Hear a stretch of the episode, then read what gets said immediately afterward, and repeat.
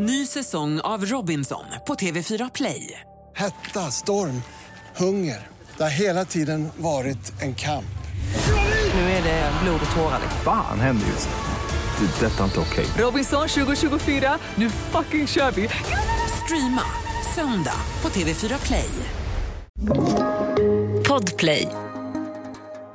Du vet väl om att du kan lyssna på avsnitten av Fallen jag aldrig glömmer en dag före alla andra. Redan på torsdagar kan du lyssna på podden på podplay.se eller i appen Podplay. Och naturligtvis är det gratis. Det här är en person som eh, har utövat systematiskt våld mot unga personer över nätet och eh, har en extremt sadistisk läggning. Så att, eh, ja, han är ovanlig på det sättet att det är väldigt, väldigt grovt. Huvudregeln är ju, de spår som är avsatta omedvetet av gärningsmannen vid brottstillfället, det är de spåren vi vill ha, inga andra. Jag tror att det här är den gången som vi har fått mest puls. När vi ser att den här mannen kommer emot oss. Varför göras ett sånt enormt besvär för att bli av med kroppen? Det här är ju någonting som man aldrig liksom kan glömma. Jag var ärlig så bondas jag fortfarande över det här. Fallen jag aldrig glömmer. Podden som inte handlar om förövarna, som inte handlar om brottsoffer, utan som handlar om de som gjorde sitt jobb och löste brotten. Dalslandspedofilen del 2.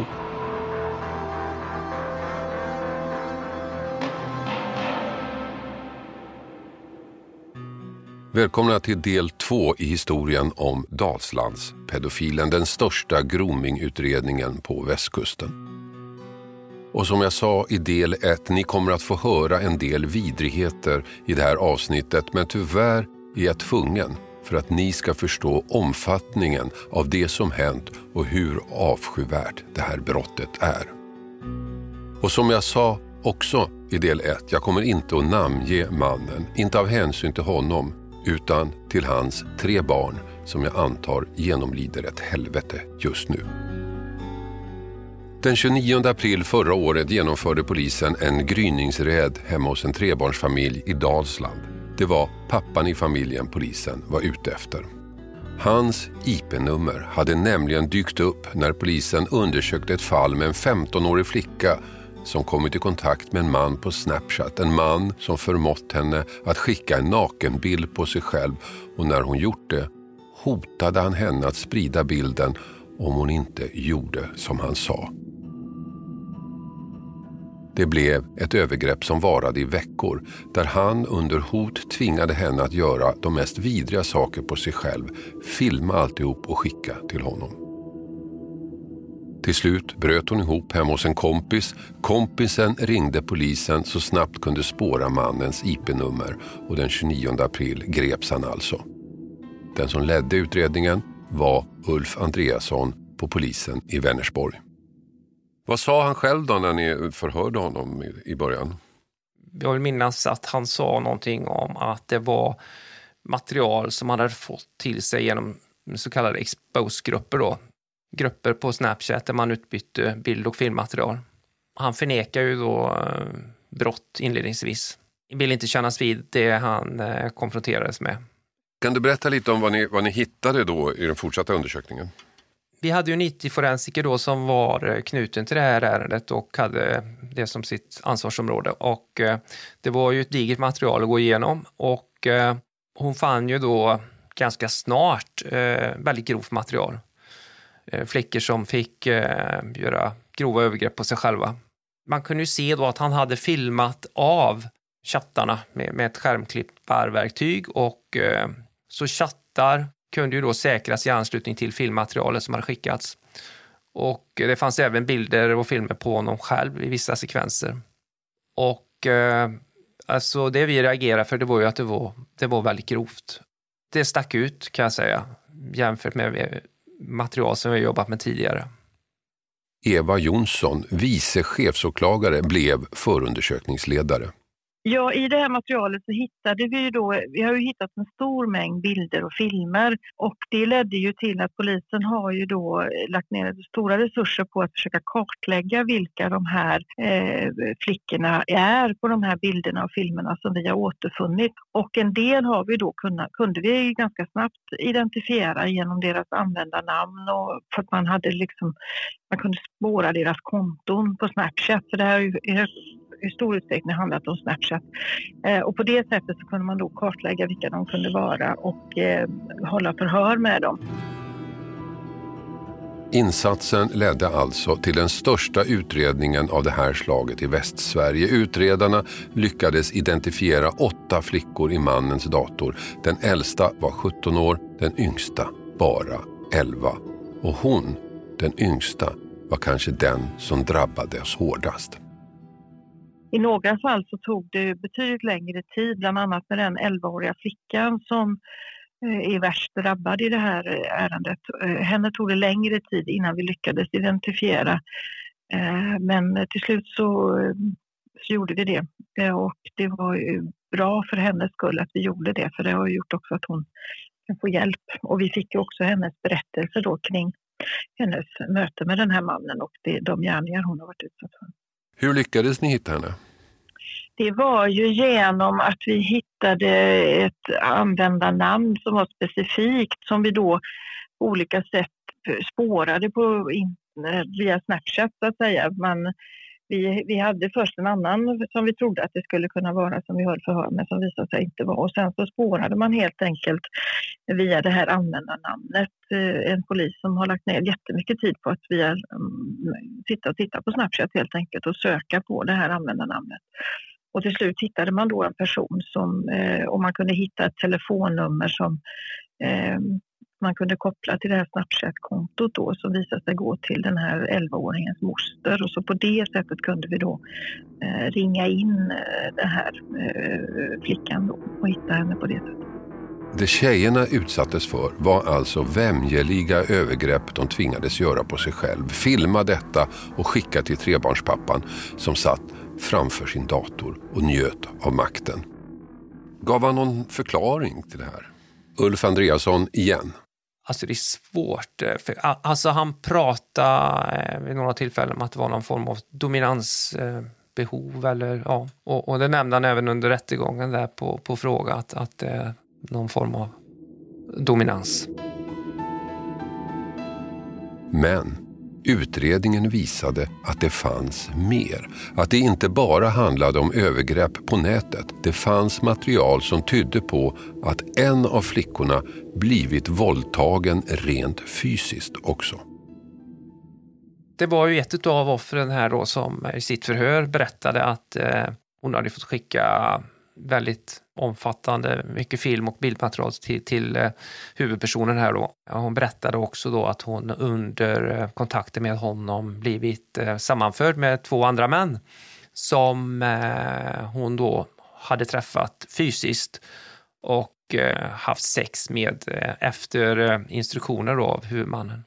Och de övergreppen då skulle ju filmas och skickas till, till huvudmannen. Det var han som hade arrangerat de här? Ja, enligt henne var, var det ju så och eh, han förnekar ju det under förhandlingen. Men, men eh, eh och i ett fall så eh, kunde vi ju hitta bevis då för att det hade filmats eh, ett övergrepp och eh, skickats till honom.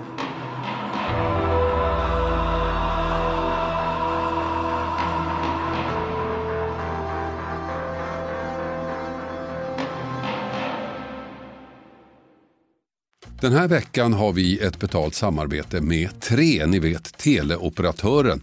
Den jag själv har faktiskt och är väldigt nöjd med.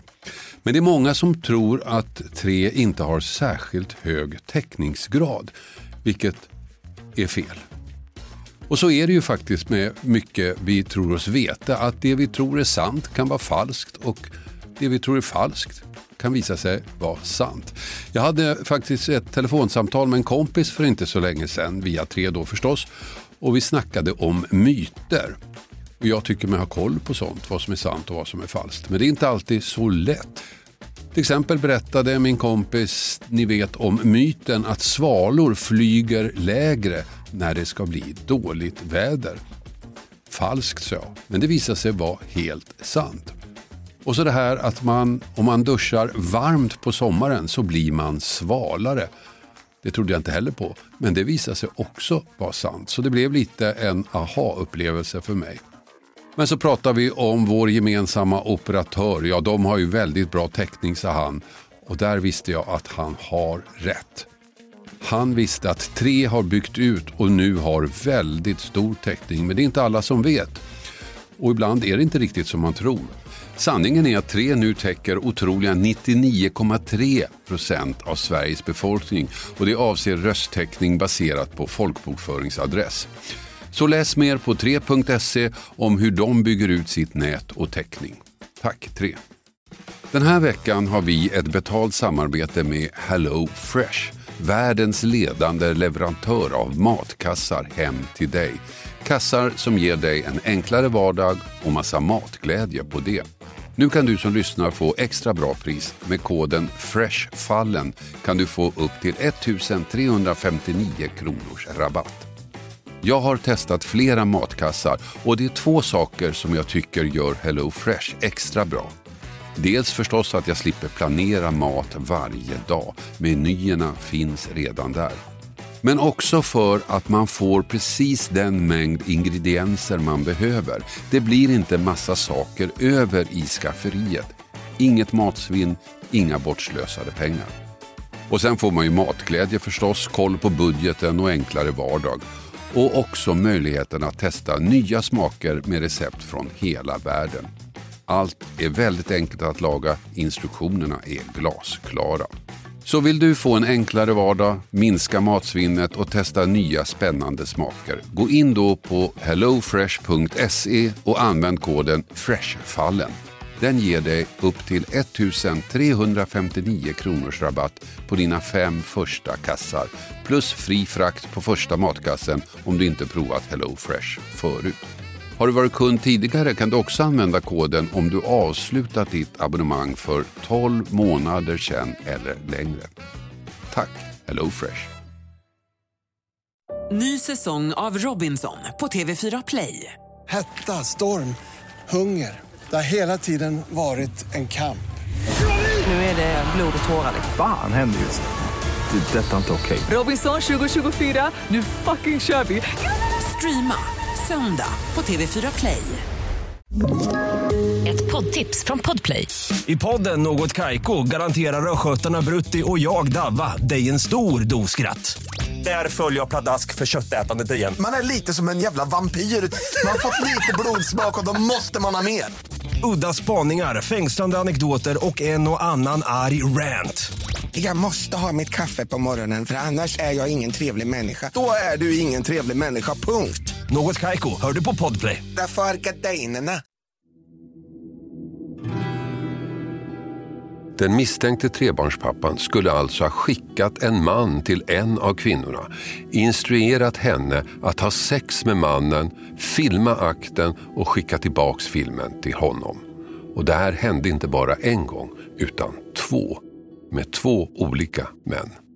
Då kunde vi också hitta att hon hade träffat vid två olika tillfällen eh, två olika män och man hade också genomfört sexuella handlingar. Och i det ena fallet så eh, vet vi ju att det filmades då på han, eh, huvudmannens önskemål så att vi kunde säkra spår av den filmen i eh, huvudmannens telefon och vi hittade motsvarande film hos den eh, gärningsman som utförde den här som vi då menar våldtäkten i verkliga livet. Så när rättegången börjar är det tre personer som åtalats. Trebarnspappan för grovt utnyttjande av barn för sexuell posering, grovt olaga tvång, övergrepp i rättssak och dessutom anstiftan av våldtäkt. De två andra männen, de som hade sex med ett av trebarnspappans offer, åtalades för våldtäkt. Den ena av dem är född 1990, den andra 2001. Efter månader av utredning efter ett tålamodsprövande och tålmodigt systematiskt arbete av utredningsgruppen skulle alltså saken prövas i rätten. Och den 23 mars i år kom Vänersborgs tingsrätt med sin dom. Och den blev en besvikelse för åklagarna och utredarna. Visserligen dömdes trebarnspappan till fem års fängelse för att ha tvingat tjejerna att posera och utföra alla hemskheter på sig själva. Men han dömdes inte för våldtäkt av någon av dem. Och de två andra männen friades för våldtäkt. Visserligen hade de haft sex rent fysiskt med kvinnan, men den ene mannen hade haft kontakt med henne tidigare. Därför menar tingsrätten att det inte är säkert att det var trebarnspappan som iscensatte det hela, trots att det fanns textmeddelanden som tydde på det. Den andra mannen hade enligt tingsrätten ingen aning om att mötet med kvinnan var arrangerat av trebarnspappan. Han trodde att hon gjorde det här frivilligt. Men trots att de två friades dömdes ändå trebarnspappan för anstiftan till våldtäkt. Alltså att ha försökt förmå någon att våldta tjejer. Det syntes på textmeddelandena som polisen säkrat. Inte helt logiskt om ni frågar mig. Trebarnspappan försökte förmå männen att begå våldtäkt och döms för det. Men de två som de facto hade sex med henne, de friades. Och för åklagare Eva Jonsson så blev domen lite av ett bakslag. Det är det som man som amatör kan bli, reagera lite på, det vill säga att huvudmannen han blir dömd för anstiftan till våldtäkt men det är ingen som döms för själva våldtäkten. Ja, och där har ju tingsrätten kommit fram till att det går att döma för anstiftan även om man inte döms för våldtäkten. Men eh, vi menar ju också att det är lite konstigt att man... Eh, vi tycker ju att eh, de här två männen då som har genomfört de här sexuella handlingarna i vart fall ska anses ha varit så oaktsamma kring hennes, om hennes medverkan har varit frivillig eller inte, eller inte så att de borde i vart fall ha dömts för oaktsam våldtäkt. Och det är det vi ty inte tycker att tingsrätten har prövat tillräckligt. Domen blev fem år för honom, huvudmannen, och de här två andra gick fria. Och vad jag förstår så är du inte nöjd med det? Nej, det är jag inte. Jag tycker ju att, eh, för det första så tycker jag att tingsrätten har, att straffet som dömdes ut för det som de de facto dömde honom för, för de, de dömde honom ju trots allt i ganska hög utsträckning för, det är bara egentligen en åtalspunkt som är helt ogillad. I övrigt har de ju ändå dömt honom för de flesta av de här gärningarna vi åtalade och då menar vi att eh, det var alldeles för lågt straff. Vi hade ju yrkat på minst sex år om man hade dömt så som tingsrätten nu dömde vi menar ju att det finns absolut utrymme för en straffskärpning här och sen så vill ju vi jag kommer ju nu när jag klagar, jag vill ju att hovrätten prövar en del av de här frågorna, i, också en del av de här rättsliga frågorna. Eh, och med anledning av det kanske det kan också innebära att, då, att det blir ett högre straff. För vi yrkade ju, tingsrätten har dömt precis så som vi yrkade så skulle det ju vara ett fängelsestraff inte understigande tio år. Och tingsrätten själv skriver ju i sina domskäl att det är en sinkadus att man inte dömer för grov våldtäkt mot barn men det blir grovt utnyttjande av barn istället och det är därför vi menar att då finns det ett skäl att låta hovrätten titta på det. Ja, överklagan är inlämnad. En ny rättegång kommer att hållas nu i hovrätten. Och det finns en möjlighet att polisen kan få loss mer material för man vet att mannen hade lagringsfunktionen iCloud i sin dator där bilder kan lagras. Problemet är att IT-teknikerna inte kom in i det molnet. För att få tillgång till eventuellt material där måste en amerikansk domstol ge tillstånd. Det här har skett förut i brottsfall i Sverige. Och Ulf Andreasson har låtit skicka en begäran till USA om att få öppna mannens iCloud. Men det finns ett problem. Det tar väldigt lång tid. Den amerikanska byråkratin är långsam. Vi har ju skickat en rättshjälpsbegäran till USA. Vi vet att det fanns eh, molnlagringstjänst, eh, bland annat Dropbox. Eh, vi kunde se att han hade tagit bort appar. Vi misstänker ju då att han har haft film och bildmaterial lagrat där. Vi har inte fått något svar från USA än. Den här begäran skickades redan i juni. Vi fick en, eh, begäran här under hösten om lite förtydligande och kompletterande uppgifter och sen har vi inte hört någonting. Så där, där är vi. Sannolikheten att USA säger ja är väl ändå ganska stor. Det finns ju andra fall där man har gjort det. Och det här är så pass grovt. Så att, eh, tror du att ni kan få anledning att fördjupa er i utredningen? Det tror jag. Jag tror ju att eh, vi kan få eh, ett svar här och eh, det är ju inte alls otroligt att det materialet då ger vid handen att vi får återuppta och, eller starta nya förundersökningar. Det, det är inte alls otroligt.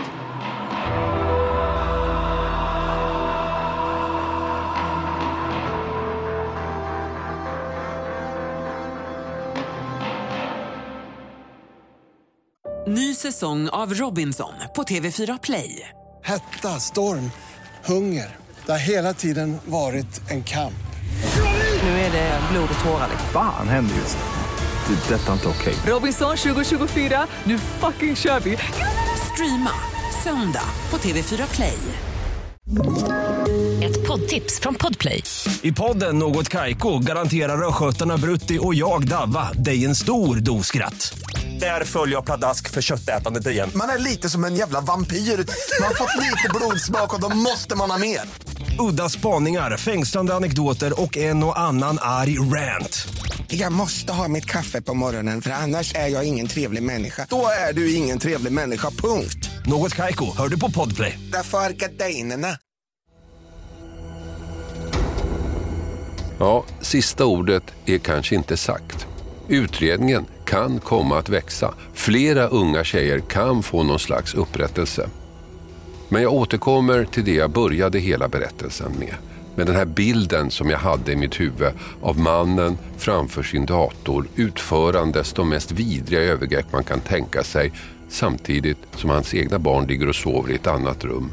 Barn som ser honom som sin pappa.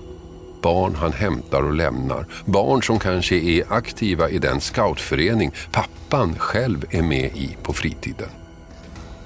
Den här dubbelbilden. Hur funkar den? Är han båda personerna samtidigt?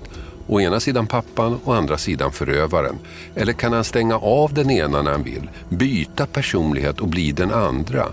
Vara en perfekt scoutledare på dagen och en förövare på kvällen. Och så har de här två sidorna ingen koppling, inget gemensamt.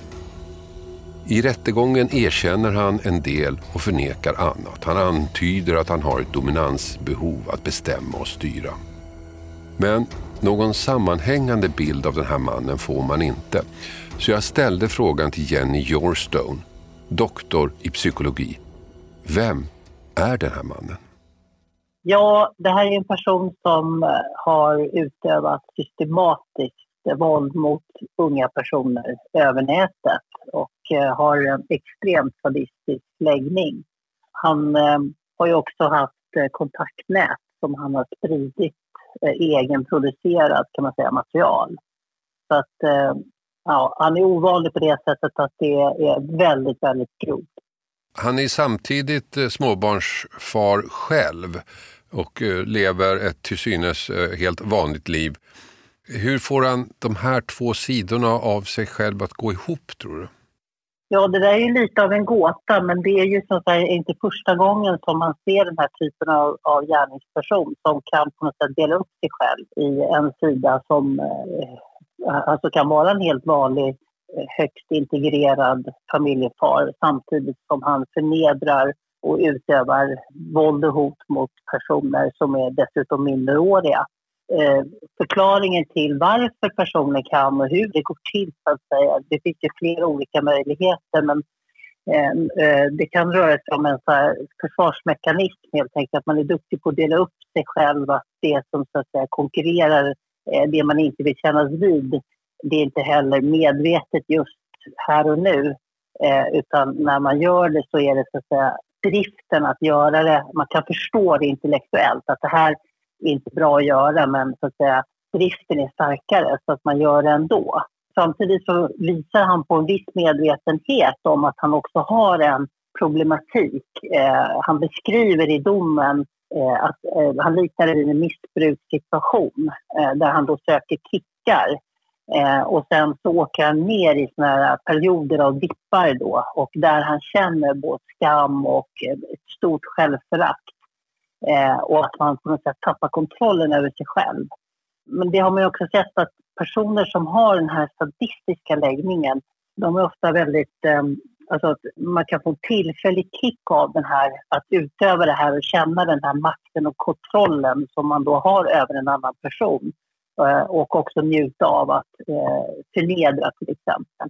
Och att det är en väldigt tillfällig positiv, ger en tillfällig positiv kick eh, som sen eh, så att säga, gör att personen åker ännu djupare ner efter så det blir någon sån negativ loop i det hela. Så att man måste då fortsätta för att kunna uppleva de här kickarna igen. Det jag funderar på är när han lever sitt vanliga liv och är på jobbet eller är med sina barn, stänger han då av det andra och, och är, går in i den rollen helt och hållet eller ligger det här under medvetet hos honom hela tiden? Ja, det där kan nog eh, variera, men att det finns någon slags eh, medvetenhet i det, i det hela, det gör det sannolikt. Eh, men att eh, han kan hålla isär det så pass bra så att han också kan fungera som en familjefar och gå till jobbet och ha de här helt vanliga kontakterna och kanske vara den här scoutledaren som han också har varit. Eh, samtidigt så kan man ju tänka sig att han då kanske har valt att söka sig till scouterna och fortsätta då upp och vara ledare, att det också kan vara ett sätt för honom att ha tillgång till yngre personer. Den här mannen har ju en dotter själv som är äldre än de offer som han nu har dömts för att ha gjort illa. Kan han så att säga med sin egen dotter inta en normal fadersroll? Eller ser han henne också som någon slags liksom, lockelse i de här sammanhangen? Eh, det tror jag varierar, men ganska övertygad om att många av de här personerna som är då integrerade ser inte heller den kopplingen att det här skulle faktiskt kunna vara min dotter som blir utsatt för de här sakerna. Utan att de är duktiga på att hålla sär helt enkelt. Och det de gör i och med att det här sker mycket online så är det en slags avhumanisering.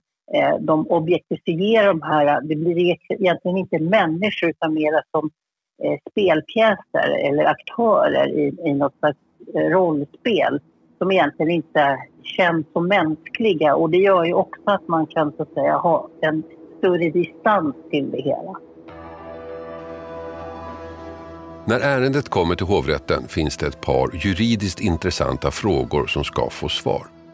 Om en person tvingar någon att utföra sexuella handlingar på nätet så är det våldtäkt om det sker i realtid. Men ska det inte också räknas som våldtäkt även om kvinnan filmar sakerna själv och sen skickar dem till förövaren? Och är det inte våldtäkt av de två andra männen i alla fall oaktsam våldtäkt om man har sex med en tjej på någon annans anvisningar borde man inte kolla med tjejen först om det är okej. Okay. Om hovrätten tycker att det trebarnspappan utsatt tjejerna för är att betrakta som våldtäkt, ja, då kommer straffet att bli betydligt högre. Vi får vänta och se.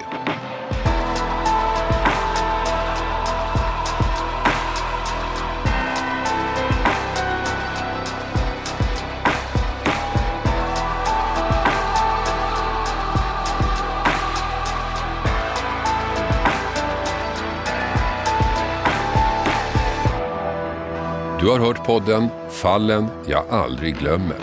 Klippning David “Dabba” Persson. Och jag heter Hasse Aro. Du vet väl om att du kan lyssna på avsnitten av Fallen jag aldrig glömmer en dag före alla andra. Redan på torsdagar kan du lyssna på podden på podplay.se eller i appen Podplay. Och naturligtvis är det gratis. Podplay Ny säsong av Robinson på TV4 Play. Hetta, storm, hunger. Det har hela tiden varit en kamp. Nu är det blod och tårar. Fan händer just det. det detta är inte okej. Okay. Robinson 2024, nu fucking kör vi. Streama söndag på TV4 Play.